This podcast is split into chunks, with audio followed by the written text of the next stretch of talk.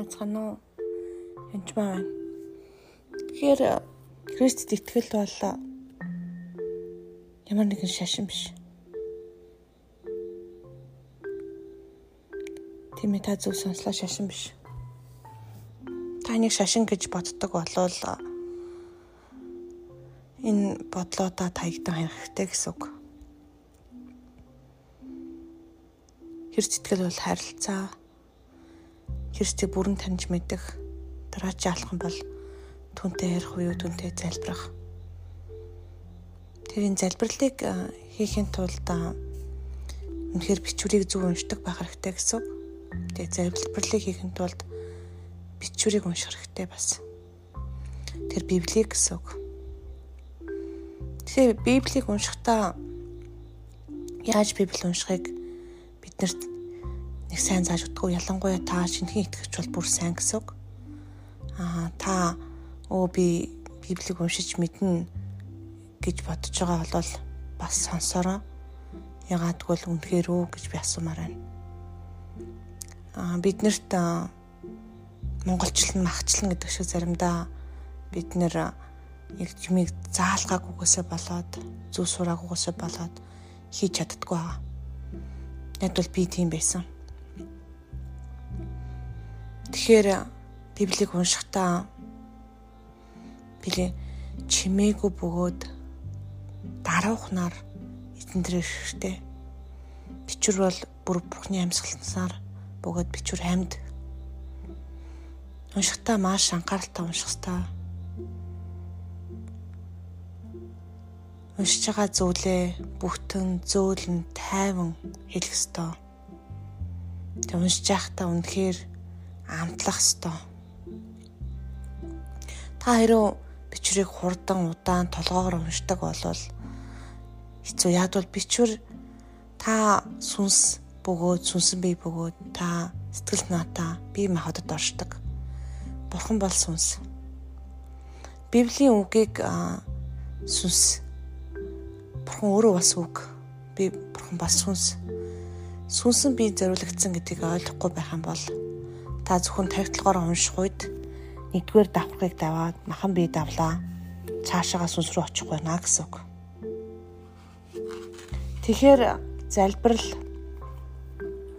хийж бурхантай ярихаасаа өмнө Библийн ишлүүдийг, библиүүдийг зөв уншиж Бурхны оршихуд бас орц сурах хэрэгтэй Тэгээд яг түүний Библи бол танд бичсэн захаа.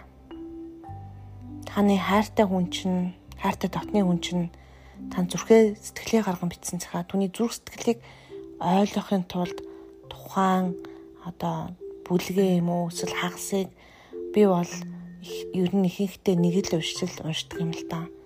Нэг л ишнэлээ бүрэн ойлгох гэж хичээдэг ба.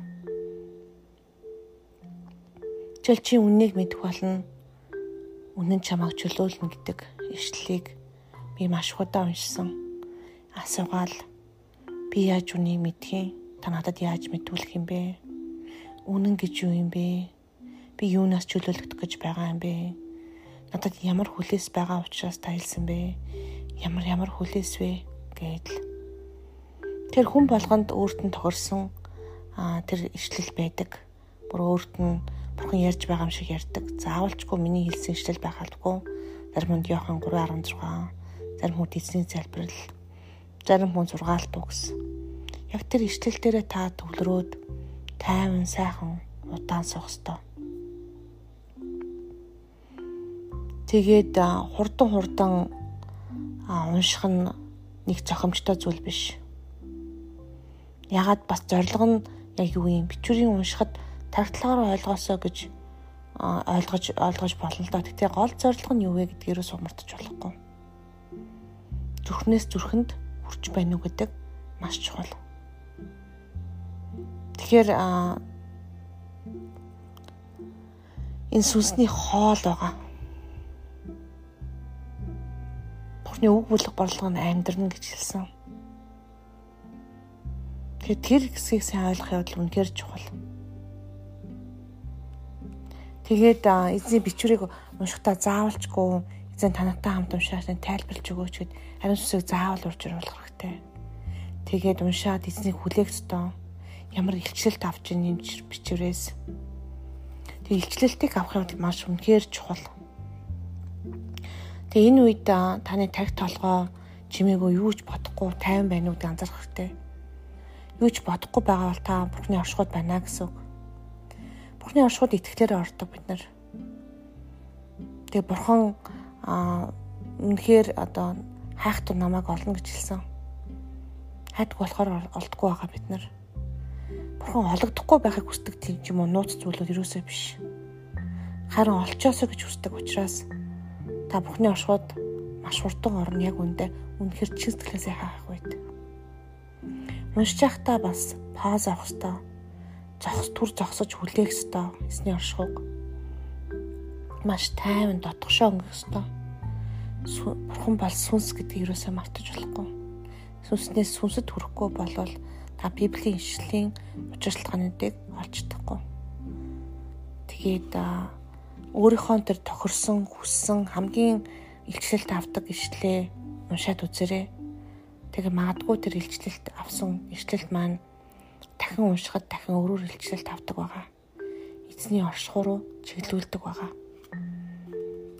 Тэгээд тань дамжилт үсэ өөрийнхөө дуртай ишлэлийг яг миний хэлсэн завраар тайван суужгаад уншаараа хэрв тархалгаан чи янз бүрийн бодлууд эргэлдээд байх юм бол бити тэнд анхаарлаа өгөрөө анхаарлаа хандуулаарай ер нь эзэн оршихуйд анх орж сурахад маш хэцүү байдаг. Нэг ороод сурчхаар тархитлагч нь олон юм бодоод байхгүй тэгээд эзний оршихуйд ордог. Эзний оршихуйд ороод сурах үед идрэл чөлөөлт маш хурдан болдог байгаа шүү. Тэгээд үг зүгээр л өөрөө амьлж орж ирдэг. Амд мэдрэгддэг, үнэр мэдэгддэг. Бүр үнэхээр гайхамшигтай зүйл шүү. Тэгэхээр ишлэл болгон өөр өөр та гэрэлж харж болно. Тэгээд би зөвхөн эсний оршихуйд Библийн аль ч үгээр аль ч өгүүлбэр би чөлөөлөлт хийж баргаж чадна. Үнэхээр тийм. Яагад гэвэл эзний үг амьд. Хоёр талдаа эртээ уртсламсаас хурц үлээ. Юу ч нэвтэлж чадна. Баярлалаа.